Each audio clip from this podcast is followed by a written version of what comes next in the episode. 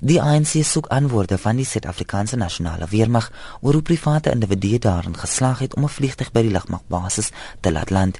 Die sekretaris-generaal van die ANC, Kweri Mantashe, sê diegene wat toestemming vir die landing verleen het, moet ook verduidelik op watter gronde die toestemming verleen is. It is unprecedented. Could you imagine if that plane headed for the Pentagon? What would have happened if it was in the United States? And I can tell you that private jet would not land in an Air Force base in India.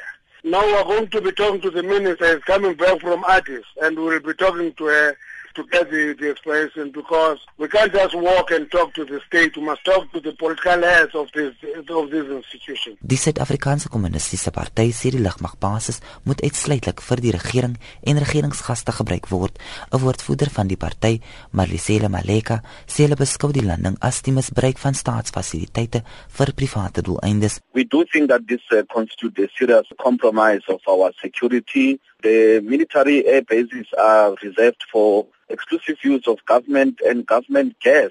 We call on government to speedily investigate the matter and that uh, those uh, who allowed uh, this kind of a situation must be brought to book. Kusatu se woordvoerder Patty Craven sê dit is 'n belediging vir die mense van Suid-Afrika dat private individue gebruik kan maak van 'n staatsfasiliteit vir hulle sosiale aktiwiteite. Trade unions are not allowed to picket outside such places and yet a private individual can use this facility and then get a police escort apparently to Sun City for uh, a family wedding. It's absolutely outrageous. Die Guptas het in 'n verklaring gesê die familie het toestemming deur die Indiese Hoogkommissaris verkry. Die Guptas sê die privaat vliegtuig het buitelandse ministers en regeringsamptenare vervoer.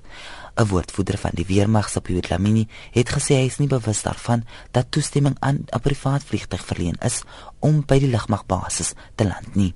Die Suid-Afrikaanse Inkomste Diens sê daar was nie douane beamptes by die Waterkloof lugmagbasis toe die Gupta familie se private vliegtuig daar geland het nie. Die Inkomste Diens het met 'n ondersoek na die voorval begin.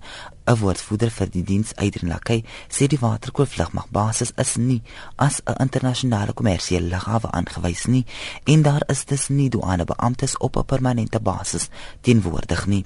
Hy sê die wet maak daarvoor voorsiening dat spesiale toestemming verleen kan word vir vliegtye om op so 'n lughawe te land, maar dan moet die inkomste dienste douane afdeling vooraf ingelig word en versoek word om teenwoordig te wees by die landing om passasiers en goedere uit te klaar.